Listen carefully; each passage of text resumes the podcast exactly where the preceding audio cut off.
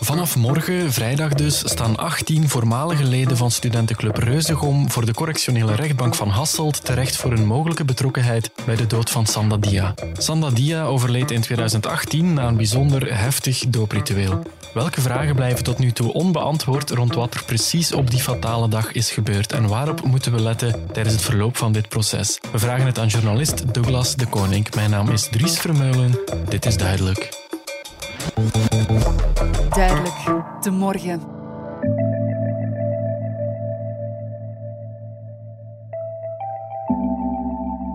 Het was duidelijk, denk ik, dat het uh, een, een week, een doopweek ging worden die, uh, die niet voor doetjes was. Het is bijna middeleeuws uh, wat daar gebeurd is.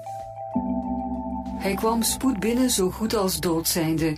Hij is hersendood aangekomen en die situatie is niet meer veranderd. Na dag 1, dus nadat hij zich bijna moest comateus moest zuipen, zeiden ze zelf al, Sander reageert minder goed als de andere twee. Als je dat moet aanhoren over je kind, dan is het gewoon heel confronterend alweer. Het is gewoon echt de waanzin voorbij dat gewoon niemand van die 18 zijn verantwoordelijkheid op dat moment kan opnemen.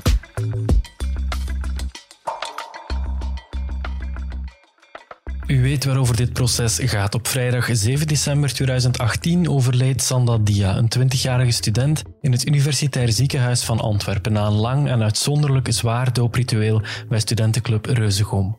Die doop was al begonnen op dinsdag, drie dagen eerder. Sanda Dia en twee andere schachten werden s ochtends de straat opgestuurd in Leuven met een opdracht. Dat vertelt Douglas de Koning, gerechtsjournalist bij De Morgen en auteur van het boek Ontmenselijkt over het Reuzegom-dossier. Ze moesten rozen gaan verkopen. Dat is een enorme hoeveelheid rozen. Dat behoort blijkbaar tot de clubtraditie. Ze moesten daar behoorlijk wat geld voor inzamelen, ook voor de club. Dat is blijkbaar ook gelukt. Ze hebben die hele partij uh, rozen, dat waren er uh, honderden, hebben zij verkocht. Ze waren verkleed in uh, de bijnamen van vorige reuzegom-presissen. Eén had zich verkleed als Elio di Rupo. Sandadia zelf had zich moeten verkleden in, in een apostel. Die dinsdagavond volgde er opnieuw volgens de tradities van Reuzegom een doopkantus. De drie schachten werden dronken gevoerd en achtergelaten op het studentenkot van Sandadia. Men heeft daar nog bij sommigen haren afgeknipt, chocopasta uitgesmeerd. De politie heeft achteraf een hemd van Sandadia teruggevonden.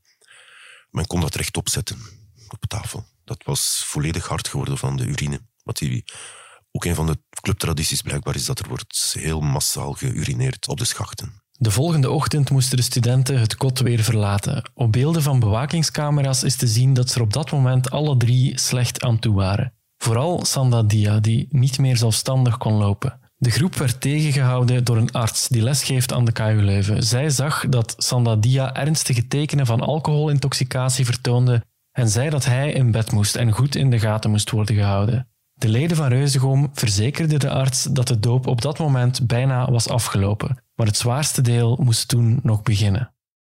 Want wat gebeurt er dan? Die jongens worden in auto's geladen en ze rijden naar Forselaar, waar dan op een heel afgelegen plek langs de autosnelweg eh, in een soort blokhut de feitelijke buitendoop aanhalingstekens plaatsvindt.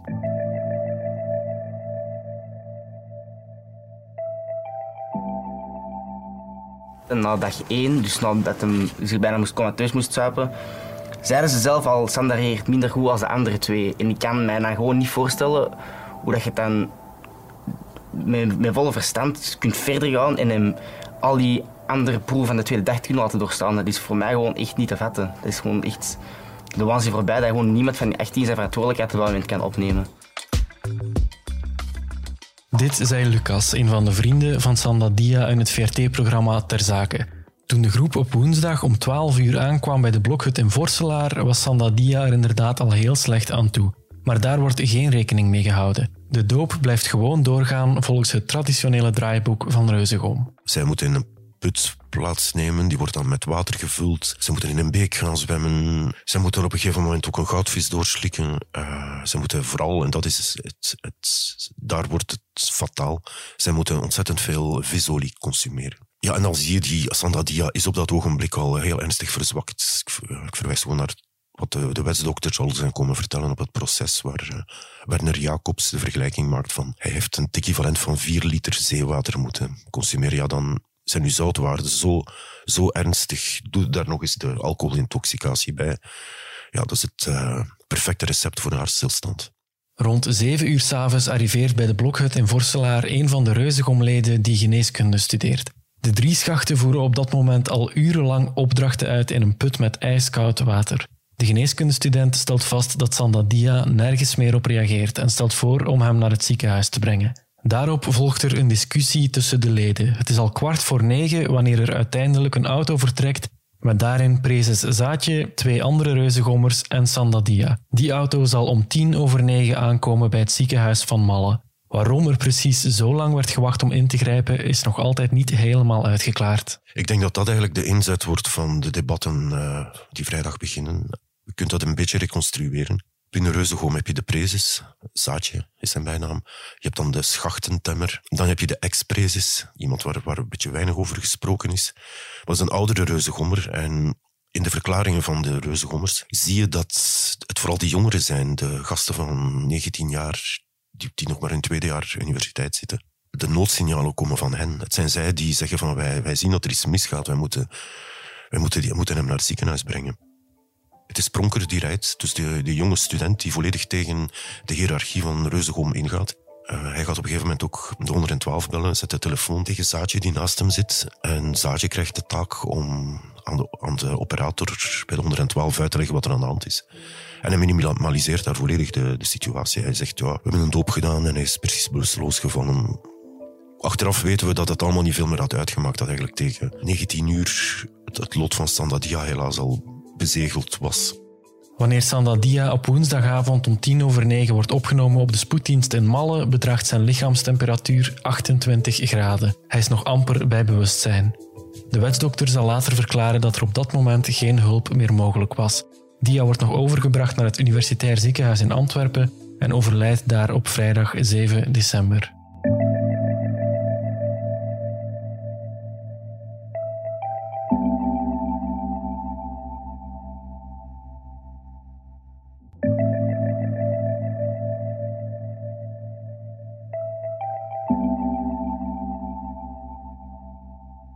Koning, jij gaat morgen naar de eerste zittingsdag van het proces in de rechtbank in Hasselt. We zijn intussen meer dan drie jaar na de feiten. Er is al heel veel onderzoek gebeurd, er is al veel geschreven over de zaak Reuzegom. Het dossier heeft ook al best wat vertraging opgelopen. In welke fase van het proces zitten we nu? Nu zitten we echt in de raadsrechte lijn. We hebben één zitting gehad met de wetsdokters. Daarvoor zijn er zittingen geweest waarin er een van de advocaten het nodig vond om de rechter te willen vragen. Andere partijen, zeker de burgerlijke partijen, hebben dat ervaren als een vertragingsmanoeuvre. Mm Feiten dateren van 2018. We zijn drieënhalf jaar verder.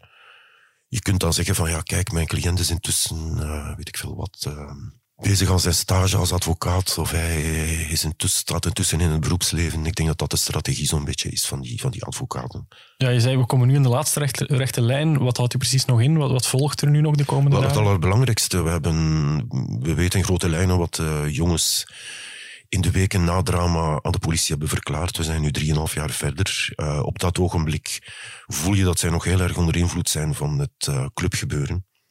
Uh, er zijn een aantal reuzegommers die zeggen dat uh, de problemen bij Sandadia pas vastgesteld zijn om negen uur s'avonds. Ja, dat is een manifeste leugen, want om kwart voor negen vertrekt de auto van Pronker richting mhm. Malla. Dus. En er zijn er ook een aantal die duidelijk zeggen dat het om... Dat blijkt ook uit de, uit de beelden. Om 19 uur is Sandadia uit de put gehaald en daar, daar gaat het eigenlijk al fataal mis. Ja. Maar zij, zij voelen op een gegeven moment wel nog de neiging om te verzwijgen dat daar drugs zijn gebruikt. Stemmenverklaringen op elkaar af op een heel kinderachtige manier. Je zou verwachten, nu zijn we drieënhalf jaar verder. Gaan we misschien het, het, het, echte verhaal in de rechtszaal horen? Want ze, het is wel degelijk de bedoeling dat ze daar alle 18 vrijdag aanwezig zullen zijn. Mm Ze zullen alle 18 worden ondervraagd door de rechter. Als van, familie van Sandadia zou wel kunnen hopen dat er eindelijk eerlijke antwoorden komen op wat is er voor en na zeven uur nog gebeurt. Hoe zal die eerste procesdag eruit zien? Wat gebeurt er morgen precies? De rechter heeft gewoon beslist dat zij een keer die 18 jongens zelf wil horen. Niet hun advocaten, niet de verklaring die ze in 2018 of in 2019 hebben afgelegd, maar gewoon wie zijn jullie, wat is er toen gebeurd, hoe kijk je daar nu op terug? Je, je weet dat je mag verwachten aan een eindeloos gejammer van excuses en spijtbetuigingen en condolences. Ik denk dat ze over elkaar gaan rollen van de, van de condolences aan de familie Sandadia. En het is te hopen dat tussen al dat gecondoleerd door er ook nog een keer over de, het ontgroeningsritueel en alles wat daaraan vooraf gaan gepraat kan worden. Ja, verwacht je dat ze er allemaal gaan zijn, echt persoonlijk, of sturen ze gewoon hun advocaat? Uh, ik denk dat er twee of drie zijn die eh, advocaten zijn die in het midden laten of een cliënt gaat verschijnen. Okay. Maar de verwachting is dat ze er alle 18 zullen zijn. En naast al het medeleven met de familie van Sandadia, dan, wat, wat denk je dat die reuzengommers nog meer zullen willen vertellen in de rechtbank? Ik denk dat voor elk van hen dat hun verhaal vrij gemeend en authentiek gaat zijn. Mm Ik denk alleen dat, dat het voor de familie belangrijk is om te weten van wie is daar op de rem gaan staan op het ogenblik dat er duidelijk werd dat die jongen naar het ziekenhuis moest. Wat is in dat anderhalf uur gebeurd? Mhm. En daar gaan, moet, moet je zien of de, de eden die ze aan elkaar, de trouw die ze elkaar hebben beloofd, of die uh, voorrang krijgt op gewoon het eerlijk vertellen van wat daar gebeurd is. Mhm. Hoe gaat het proces verder na vrijdag? Nu dan, je krijgt ook nog het requisitoor van het Openbaar Ministerie. Als ik het goed begreep, beginnen we vrijdag met een kort requisitoor. Dan de ondervragingen van de 18. Maandag zijn de burgerlijke partijen aan zet. En na de burgerlijke partijen krijg je de pleidooi van de, de 18 advocaten. Die voor elk van de 18 individueel uh, gaat pleiten. Zijn, waarschijnlijk zijn rol in het gebeuren minimaliseren. Of in enkele gevallen gewoon aantonen dat er nauwelijks een rol is geweest. Als ze daar niet in slagen, wat zijn de maximale straffen waartegen de reuzengommers aankijken? In principe riskeren zij 15 jaar. Nu in de coulissen hoor je dat het Openbaar Ministerie niet verder wil gaan dan straffen van 1 tot 5 jaar gevangenisstraf.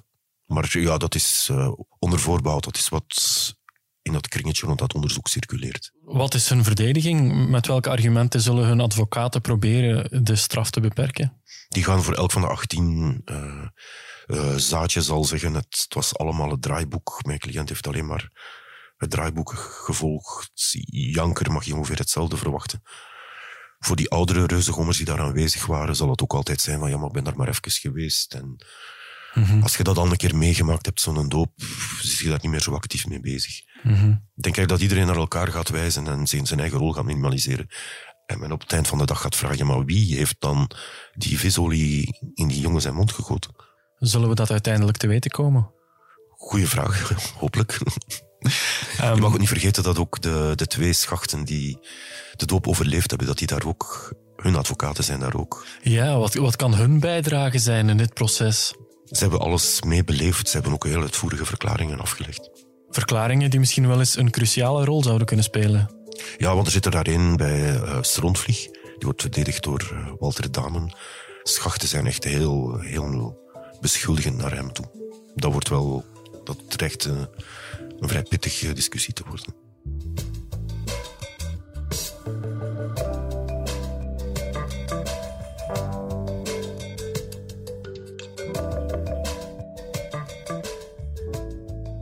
Hier gaat het om te begrijpen waarom Sanda. Dat is wat de papa vooral wilt weten. Waarom Sanda? Wat is er gebeurd? En wat is er vooral gebeurd uh, wanneer Sanda uit de put is gehaald? Het is heel eigenaardig. Het is alsof op het moment van die doop niemand aanwezig was. Iedereen was wel bezig met iets anders. Ze waren met de Playstation bezig, ze waren aan het voetballen, ze zaten rond het kampvuur, ze waren een babbelken aan het slagen. Iedereen was iets anders aan het doen dan zich te vergewissen of dan iets wat de beleving te hebben van wat er daar gaande was uh, met Sanda.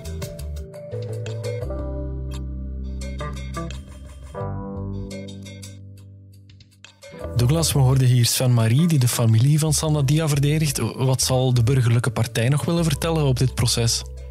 Wel, Sven Marie heeft uh, een paar jaar geleden al aangekondigd dat hij de 18 tegen elkaar zou willen uitspelen. Mm -hmm. Ja, hij ging, ze, hij ging ze gek maken, heeft hij gezegd. Ja, ja. Hoe gaat hij dat doen? Ja, hij zal bijvoorbeeld... Uh, er zit zoveel tegenstrijd in en de verklaringen die destijds zijn afgelegd. Hij gaat gewoon die verklaringen, uh, neem, ik, neem ik aan, naast elkaar leggen. En de betrokkenen zijn daar, van wie van jullie spreekt de waarheid. Mm -hmm. Ik denk dat Sven Marie vooral de zwijgcultuur binnen Reuzegom wil doorbreken. Zo'n proces heeft ook een maatschappelijk belang. Als je dan kijkt in de Verenigde Staten, daar hebben ze ook dit soort dopen daar zijn ook al doden, daar vallen jaarlijks meerdere doden. En je ziet in de Verenigde Staten iets dat mij enorm verontrust. Dat is een studentenclub waar iemand is overleden aan een doop.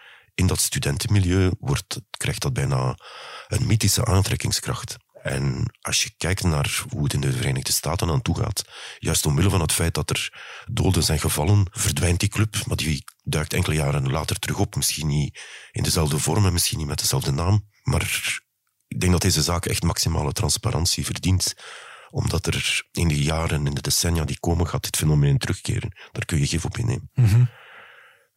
En deze zaak kan, denk ik, ouders, studenten ergens helpen om, om te herkennen wat er aan de hand is als, als berichten komen over echt extreem overmatig alcoholmisbruik, extreem, extreme toestanden, zoals, zoals je die in dit verhaal ziet. Ja, want die zwijgcultuur bij Reuzegom die is heel opvallend. Hè? Dat zie je ook aan het WhatsApp-verkeer meteen na de feiten. Er wordt meteen geprobeerd om dingen toe te dekken. Niet iedereen in de groep is het erover eens dat ze dat moeten doen, Mhm. maar het gebeurt wel. Ja, en wat men vooral wil toedekken is het aspect racisme. Ik mag hopen dat dat op proces daar ook even over, over kan gaan. Ja, zal dat gebeuren, denk je? Eh, ik mag aannemen van wel. Eh, Er zitten daar verklaringen in het dossier waarin reuzegommers met elkaar zitten chatten en dat een van die ouderen vraagt van, zijn er geen eh, berichtjes? Want het is toch, ja, het blijft een gegeven dat uh, Reuzegom bestaat eh, meer dan 70 jaar. 350 mensen zijn daar die dat doopritueel gepasseerd. Daartussen zit er één jongen met een... eh, een, een, Afrikaanse achtergrond. En heel toevallig is het juist die jongen die, die dat met zijn leven moet bekopen. Hoe toevallig is dat? En dan zie je dat er inderdaad heel veel getuigenissen zijn van een soort, ja, een, ik, noem, dat graag een Vlaams racisme. Zo van, oh, maar wij zijn toch geen racisten, want kijk, wij aanvaarden, wij aanvaarden Sandadia in onze groep, maar dan toch speelt daar iets venijnigs. Om, om, om één voorbeeld te geven, de twee schachten die het overleefden, die zullen achteraf zeggen van, ja, met die visolie, je kon daar vals mee spelen. Je moest dat niet doorslikken uit alles blijkt dat Sandadia die kennis niet heeft meegekregen. Ja. Uit alles blijkt dat hij tot het laatst heeft gedacht van er zijn hier zoveel jongens mij voorgegaan in, de, in deze, deze doop. Uh, dat is allemaal goed gekomen met hem, dat zal ook wel goed komen. En, maar hij, heeft, hij leefde blijkbaar wel in de overtuiging dat hij alles letterlijk moest doen. Mm -hmm. Bijvoorbeeld zijn dooppeter. Om dooppeter te worden moest je moesten die gasten tegen elkaar bieden met blikjes carapils. En uiteindelijk, de winnaar, die moest, als ik het mij goed herinner, 30 carapils, blikken carapils na elkaar leeg drinken. En dan vraagt de politie van, hoe doet je dat? En dan zegt hij, ja, goed, dat niet echt. Je zet je apart en je giet die leeg in de lavabo. Maar dat, dat soort dingen wist, wist Sandadia duidelijk niet. En die, die, heeft, die is blijven slikken, alles ondergaan, tot het, tot het hem fataal is geworden. Dat maakt het, heeft dat te maken met racisme? Misschien niet direct, maar toch speelt daar iets dat duidelijk maakt dat die jongen door die anderen niet als uh, hun gelijke werd gezien.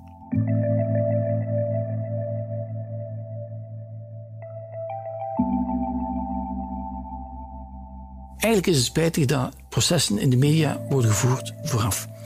Processen dienen voor mij niet om genoegdoening te verschaffen aan de slachtoffers. Processen dienen voor mij om een rechter correct te laten oordelen over schuld en onschuld. En in geval van schuld, welke de passende bestraffing is. Ik vind dat er moet geïndividualiseerd worden, dat elk aandeel van iedereen individueel moet bekeken worden. En het zal de rechter zijn die oordeelt. En ik zal het zijn die hem verdedigt.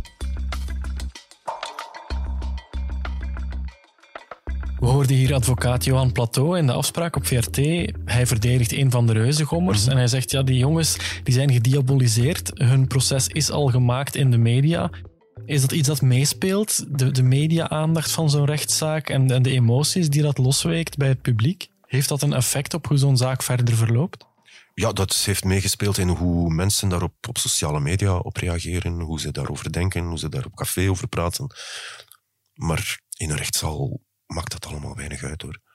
De rechtbank staat daarboven. Wat je zeker zal krijgen is dat uh, in de pleidooien gaat heel vaak verwezen worden naar hoe die, die 18 reuzengommers van op een gegeven moment de namen op sociale media circuleerden. Hoe die zich hebben letterlijk digitaal hebben moeten verstoppen. Mm -hmm. Die zijn op geen enkel sociaal medium aanwezig. Die zijn als de dood om te worden herkend. Een aantal onder hen heeft zijn studies moeten onderbreken. Die zijn eigenlijk maatschappelijk al vrij zwaar gestraft, sommigen, sommigen dan weer niet. Maar ik ga ervan uit dat een, rechtbank dit soort dingen wel meeneemt in de beoordeling van wat er nu verder moet gebeuren. Ik denk niet dat het zo belangrijk is om te weten van wie krijgt welke straf, maar wel van wat gaan we hier uit, leren, wat gaan we, wat gaan we hiervan onthouden in de hoop dat er over drie jaar niet opnieuw een soort club als deze ontstaat. Ja. Ben je daar optimistisch over dat deze zaak ons iets bijleert en dan misschien gelijkaardige dingen in de toekomst kan voorkomen? Ik ben in die zin optimistisch dat het misschien uh, drie of vijf jaar gaat duren en, en niet, niet, dat het niet nu al bezig is, maar wie weet. Ja, laten we hopen dat het toch iets langer duurt. Ja. Goed, Douglas de Koning, dankjewel. Met veel plezier, bedankt. Ik bedank ook Laurens Bervoets, die assisteerde bij de montage van deze aflevering, en Sam Vijs, die de eindredactie verzorgde. En u, beste luisteraar, bedank ik natuurlijk ook weer om erbij te zijn. Hopelijk doet u dat volgende week opnieuw, want donderdag zijn we er weer met een nieuwe aflevering. Dit was duidelijk.